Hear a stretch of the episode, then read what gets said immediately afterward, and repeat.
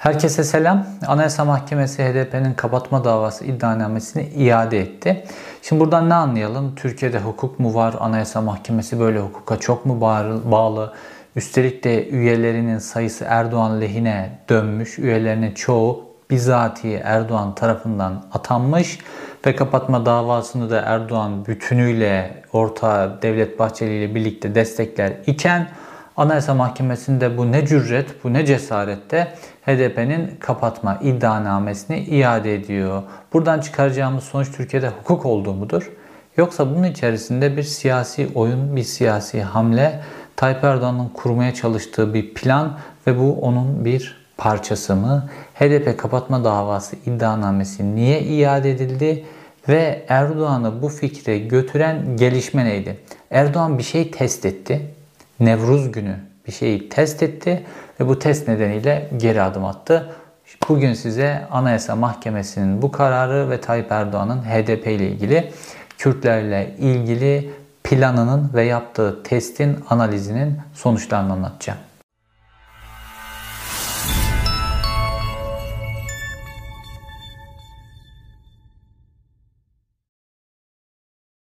Hatırlarsınız böyle son yıllarda böyle Nevruzlar çeşitli bahanelerde, Nevruzlar, 1 Mayıslar çeşitli bahanelerle iptal ediliyor. İşte toplumsal olaylar deniyor falan. Şimdi zaten pandemi çıktı. Barolar Birliği'nin e, başkanı değişmesin diye onun e, seçimleri genel kurulu, kurulu bile erteleniyor. İstediği gibi kullanıyor pandemiyi de diğer şartları da e, hükümet. Fakat enteresan biçimde HDP'ye kapatma davası ile ilgili iddianame Anayasa Mahkemesi'ne gönderildikten hemen sonra gelen Nevruz'a bu sene iktidar acayip pandemiye rağmen böyle çok hoşgörülü davrandı ve bütün illerde HDP'nin Nevruz kutlamaları yapmasına izin verildi. Hükümet burada bir test yaptı. Şimdi buna birazdan geleceğim. Önce Anayasa Mahkemesi'ndeki dengeler ve Tayyip Erdoğan'ın kapatma davasına neden ihtiyacı olduğu ile ilişkin birkaç bir şey anlatmam lazım ilk bilgide. Şimdi Tayyip Erdoğan açısından 7 Haziran seçimlerinde HDP tek başına 7 Haziran 2015 seçimlerinde Selahattin Demirtaş'ın da başını çektiği kararla HDP tek başına anaya seçimlere girmeye karar verdi ve o günden beri HDP Tayyip Erdoğan'ın başındaki en önemli belalardan bir tanesi. Neden? Sahip olduğu %10'un üzerindeki oy oranıyla birlikte Türk siyasetindeki bütün dengeleri değiştiriyor. Türk siyasetinde bazen bazı partiler böyle kilit olmuştur. Mesela 28 Şubat sürecinde daha az oy oranına sahip olmasına rağmen Büyük Birlik Partisi böyle kilit bir noktada idi. 28 Şubatçıların işini zorlaştıran bir noktada.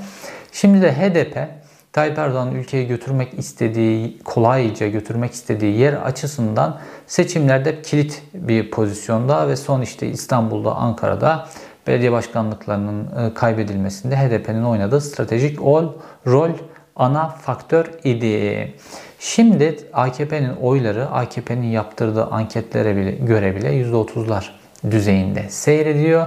Dolayısıyla HDP'nin rolü kritik ve HDP seçmeninin bir şekilde sandıktan küstürülmesi lazım ya da HDP seçmeninin dinamizminin kendi içerisinde çok dinamizmi var HDP seçmeninin ve bilinçli ve HDP de bu kendi seçmeninin dinamizmini koruma üzerine politikalar geliştiriyor sürekli. Bunun kaybedilmesi lazım. Seçmeninin sandıktan küstürülüp dinamizmin kaybedilmesi lazım ki düzen eski düzene dönsün Tayyip Erdoğan açısından.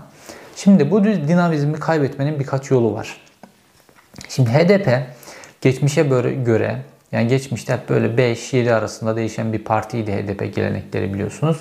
%10'ların üzerine çıkaran şeylerden bir tanesi işte Selahattin Demirtaş'ın e, yaptığı siyaset olduğu kadar HDP hazine yardımlarıyla birlikte bu kadar darbe almasına rağmen partinin e, faaliyetlerini diğer bütün legal partiler gibi finanse edebildiği için e, dinamizmini koruyordu. Bunlar ne, ne mesela?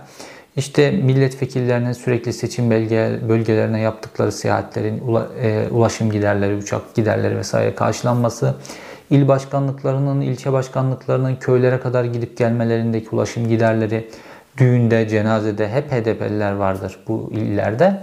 Bunların karşılanması, salonlar, konferanslar gibi pek çok şey e, bunların hepsinin finanse edilmesinde HDP hazineden aldığı yardımı %100 verimle kullanıyordu. İşte ne bileyim böyle gitseniz Adalet ve Kalkınma Partisi'nin önünde Audi'leri falan görürsünüz bir sürü makam arabaları ya da CHP'nin önünde. HDP'de böyle şeyler göremezsiniz. %100 verimle kullanıyordu. Ve şimdi HDP'ye Tayyip Erdoğan işte bu kapatma davasıyla öncelikle böyle mali yardımın kesilmesiyle ilgili orada bir madde vardı. Bu çok kritikti. Ve bu mali yardımı kesersek HDP'yi felç ederiz.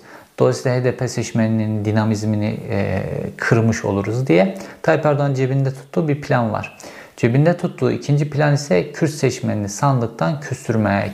Şimdi HDP'ye kapatma davası açılınca şöyle bir e, test yaşanmış oldu. Şimdi zamanlama açısından AKP ve MHP kongresinin öncesinde yapılması okey zamanlama açısından böyle bir e, proje yapılmıştı ve bu hamle Tayyip Erdoğan'ın popülaritesini de yeniden çünkü Tayyip Erdoğan böyle agresif hamlelerle popülaritesini koruyan bir lider profilinde ve ona oy verenler de onun bu agresif hamlelerini sürekli sürdürmesini böyle bir adrenalin bağımlılığı gibi bekliyorlar.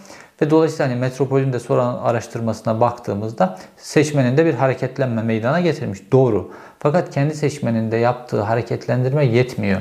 HDP'nin seçmeninin sandıktan küstürülmesi lazım ki e, seçimlerde bir şekilde gidip Tayyip Erdoğan'ın karşısında olduğu için Millet İttifakı'nın adayına oy vermesinler diye. Fakat e, kapatma davası açıldıktan sonra Nevruz'a izin vererek bütün illerde Kürt seçmenin nabzını test etti Tayyip Erdoğan. Ve bu nabzını test ettiğinde şöyle enteresan bir durum oldu. Pandemiye rağmen HDP seçmenleri alanları doldurdular. Bütün illerde alanlar doldurdular. Çok güçlü ve görkemli Nevruz kutlamaları oldu. Ve şunu görmüş oldu Tayyip Erdoğan. Kapatma davası açılması seçmende artık ya bu partiyle de olmuyor filan gibi bir umutsuzluğa neden olmadı. Aksine coşkuyu korudu insanlar. Bu Tayyip Erdoğan aldığı bir dersti. Ve yakın dönemde e, seçimde oy oranlarını, dengeleri değiştiremeyeceğini gördüğü için de erken seçime e, meyilli değil. Normalde geçen senenin sonlarında itibaren erken seçime meyilliydi. Fakat şu an bununla ilgili bir kararsızlık yaşıyor Tayyip Erdoğan. Ve dolayısıyla kapatma davası şu an itibariyle ilerlerse bir noktaya gelmesi gerekiyor. Seçim dolayısıyla da erken. Şimdi kapatma davası iade edildi. Bu şekilde Anayasa Mahkemesi de sanki böyle hukuk varmış gibi Türkiye'de özellikle Anayasa Mahkemesi'nin bu Türkiye'de hukuk var oyununu e, iç hukuk yolu olmaktan çıkarılmamak için ahim nezdinde oynaması lazım. Anayasa Mahkemesi de böyle bir pas almış oldu. İşte ahim nezdinde falan bakın biz HDP iddianamesini iade ediyoruz gibi bir oyun oynamış oldu. Tayyip Erdoğan açısından da zaman kazanmış oldu Tayyip Erdoğan. Çünkü Tayyip Erdoğan kapatıp kapatmamayla ilgili e, kararsız bir durumda. Kapatırsam bana ne getirir, kapatmazsam bana ne getirir de tablo net değil. Tablo net olmadığı için de Tayyip Erdoğan adım atamıyor ve testler yapıyor. İşte kapatma iddianesi zaten Yargıtay Başsavcısı, Yargıtay e, Başkanı filan Tayyip Erdoğan'ın emrinde iki kişiler. Bunu daha önceki videomda anlattım. Oraya bunun için getirildiler. Dolayısıyla böyle bir iddianame yalap şalap hop Anayasa Mahkemesi'nin önüne getirildi. Ve hedef orada zaten ilk adımda e, maddi yardımın kesilmesi getirildi. Ve Nevruz'da bir test yapıldı. Şimdi bu testin sonucu Tayyip Erdoğan açısından parlak olmadığı gibi HDP'nin kapatma e, davası HDP'ye açılmasıyla oluşacak o seçmenindeki hareketlenme, yeniden motivasyonundan beklediği puan da gelmedi. Evet Metropol'ün araştırmaları genelde bağımsızdır. Belli bir puan geldiği gözüküyor. Fakat bu Tayyip Erdoğan için o dengeyi değiştirecek %51 ve üzerine çıkabilecek bir e, noktada halen daha değil. Dolayısıyla Tayyip Erdoğan şimdilik bir geri adım atmış oldu. Hukuk zaten onun piyonu biliyorsunuz. Anayasa Mahkemesi'ne iade et filan. Oy birliğiyle iade ediliyor filan. E, dava diyor açılıyor. iade et deniyor diyor ediliyor. Her şey Tayyip Erdoğan'ın dudaklarının arasında. Dolayısıyla Tayyip Erdoğan şimdilik bir geri adım atmış oldu. Dolayısıyla HDP konusunda kararını vermiş değil. Tayyip Erdoğan çok böyle faydacı bir liderdir de yarın o bir gün denge o kadar çok değişir ki HDP'ye gidip çözüm sürecini yeniden başlatalım da diyebilir. E, fakat artık böyle hani mafya ile hani masaya oturmak isteyen pek bir grup kalmadı e, muhalefet çevresinde Tayyip Erdoğan'la.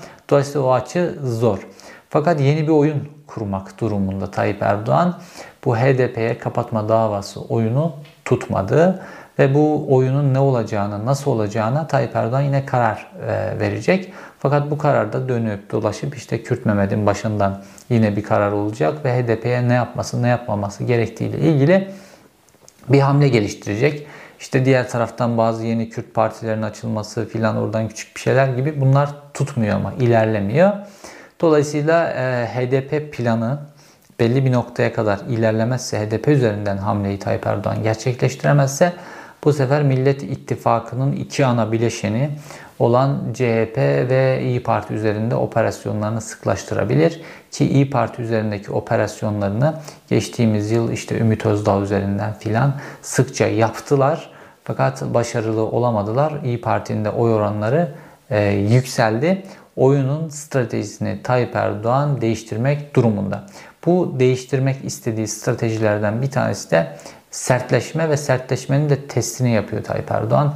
İşte İstanbul Sözleşmesi'nin iptal edilmesi filan gibi bu sert adımların da testini yapıyor.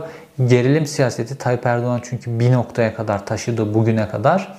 Özellikle 2010'dan sonra gerilim siyasetini çok kullandı Tayyip Erdoğan. Fakat şimdi gerilim siyasetinin işe yarayıp yaramayacağıyla ilgili de testler yapıyor Tayyip Erdoğan ve uzun süredir ee, son yerel seçimlerden beridir Tayyip Erdoğan'ın ne yaparsa yapsın tutmadığı bir düzlem var. Tayyip Erdoğan artık gündemi belirleyen, hatta onun böyle bir lafı vardı işte, gündemi hep Tayyip Erdoğan belirliyor, muhalefete yönelik eleştiri olmuştu böyle. 2010'lardaydı falan. Herhalde bu ülkenin başbakanı da gündemi belirleyecek falan gibi bir lafı söylemişti. Fakat şu an gündemi belirleme, oyunu kurma açısından Tayyip Erdoğan çok büyük sıkıntı yaşıyor işte yerel seçimlerde oyunu kuramadığı gibi e, devam eden süreçlerde işte Ayasofya'yı e, açmaktan tutun da uzaya mekik göndermeye kadar bir sürü şey oldu. Türkiye'nin sınırlarının ötesinde, Libya'da, Akdeniz'de, başka yerlerde çatışmaların içerisine soktu orduyu, çatışmaların içerisine girdi. Gerilimi ülke dışında da yükseltti. Fakat bir türlü istediği noktaya gelemiyor. Bir türlü o seçmen, büyük seçmen kitlelerini eskisi gibi kendisine çekemiyor ve oy e, dengesi istediği noktaya dönüşemiyor. Şimdi dolayısıyla oyun kurma e, zorluğu içerisinde Tayyip Erdoğan böyle testler yapıyor. Artık devlet, adalet mekanizması her şey oyuncağı olduğu için bu testlerle nasıl oyun kuracağını anlamaya çalışıyor. Ve etrafında da çok da böyle oyun kurucu kişiler de kalmadı aslına bakarsanız. Eskiden Adalet ve Kalkınma Partisi e, kendi içerisinde aslında bayağı demokratik tartışmaların yapıldığı bir partiydi. Böyle hani MYK toplantısından, MKK toplantısından perde arkaları gelirdi. Yani bunlar bunlarda işte tartışıyorlar, farklı fikirler söylüyorlar, stratejiler geliştiriliyor filan. Böyle konuşurlardı. Fakat şu an Tayyip Erdoğan'ın geldiği nokta itibariyle Tayyip Erdoğan'ın partisi Tayyip Erdoğan ne duymak isterse onu söyleyenlerin partisi ne dönüşmüş durumda. Dolayısıyla da Tayyip Erdoğan'ın söylediği lafların Tayyip Erdoğan'ın beğeneceğinin dışında bir laf gelme ihtimali yok. Tayyip Erdoğan'ın üreteceği politika, üreteceği stratejinin dışında bir strateji, bir parlak strateji gelme ihtimali de yok. Tayyip Erdoğan ne duruma düştü biliyor musunuz? Eskinin generalleri durumuna düştü. Özden örnek biliyorsunuz işte bu meşhur darbe günlükleriyle çok meşhur olan e, Deniz Kuvvetleri Komutanı Özden örneğin günlüklerinde darbe günlükleri diye yayınlanan günlüklerinde 2007 yılında Nokta dergisinde orada ilginç bir saptaması vardı Özden örneğin ordu ile ilgili. İşte bu darbe kısmı falan konuşuldu ya ama ordu ile ilgili değerlendirmeleri de vardı Özden örneğin. Diyor ki ya Türk Silahlı Kuvvetleri diyor öyle bir hale gelmiş ki diyor altımızdaki e, subaylar e, ne duymak istiyorsak biz ne duymak hoşumuza girecekse onu söylüyorlar. Bizim verdiğimiz emirlerin daha iyi olması açısından ya da bizim verdiğimiz emirlere efendim emredersiniz ama şöyle şöyle şöyle şöyle şeyler olur diye e, şerhler düşen, e, bizim duymak istemeyeceğimiz şeyleri bize söyleyen subaylar yok altımızda. Bu nedenle de bu Türk Silahlı Kuvvetleri'ni bir kısırlığın içerisine sokuyor ve Türk Silahlı Kuvvetleri'nin gelişmesini engelliyor ve Türk Silahlı Kuvvetleri de dolayısıyla siyaset üretiyor, siyaset söylemi üreten bir e, orduya dönüşmüş durumda. diye Özden örneğin alan izleri var idi o dönem. Şu an Tayyip Erdoğan o generallerin durumuna düştü. Çünkü o generallerin o generallerden boşalan saraya, kudretli noktaya kendisi oturdu. Sarayları yıkmak yerine kendisi oraya yerleşti. Dolayısıyla da şu an e, ürettiği sistem, ürettiği düzen eskiden generallerin bütün ipleri elinde tuttuğu düzenden çok da farklı değil. Ve dolayısıyla bu düzende de etrafındaki kişiler padişah neyi duymak hoşuna giderse onu söylüyorlar ve padişah da kısırlaştı. Padişah politika üretemiyor. Artık o şapkadan tavşanları çıkartamıyor. Dolayısıyla da testlerle bir politika bulabilirim diye e, adımlar atıyor. İşte Nevruz'a izin ver diyor Süleyman söylüyor. izin veriyor. Oradan kapatma davası aç diyor. Bunu bir test ediyorlar filan tutmuyor. Sonra hop kapatma davasını kongreler bittikten sonra e, iade ediyorlar ve yeni bir formülün içerisine sokacaklar. Acaba HDP'yi parayla e, terbiye eder miyiz filan gibi bir durumlar, parti felç eder miyiz gibi bir durumlar ve Millet İttifakı'nın üzerine planlar. Tayyip Erdoğan'ın planlarını izlemeye devam edeceğiz ama Tayyip Erdoğan'ın artık öyle çok da iyi planlar üretemediği ve önünde daha daha daha sertleşmekten başka bir seçenek kalmadığı günlere doğru ilerliyoruz. İzlediğiniz için teşekkür ederim. Bir sonraki videoda görüşmek üzere.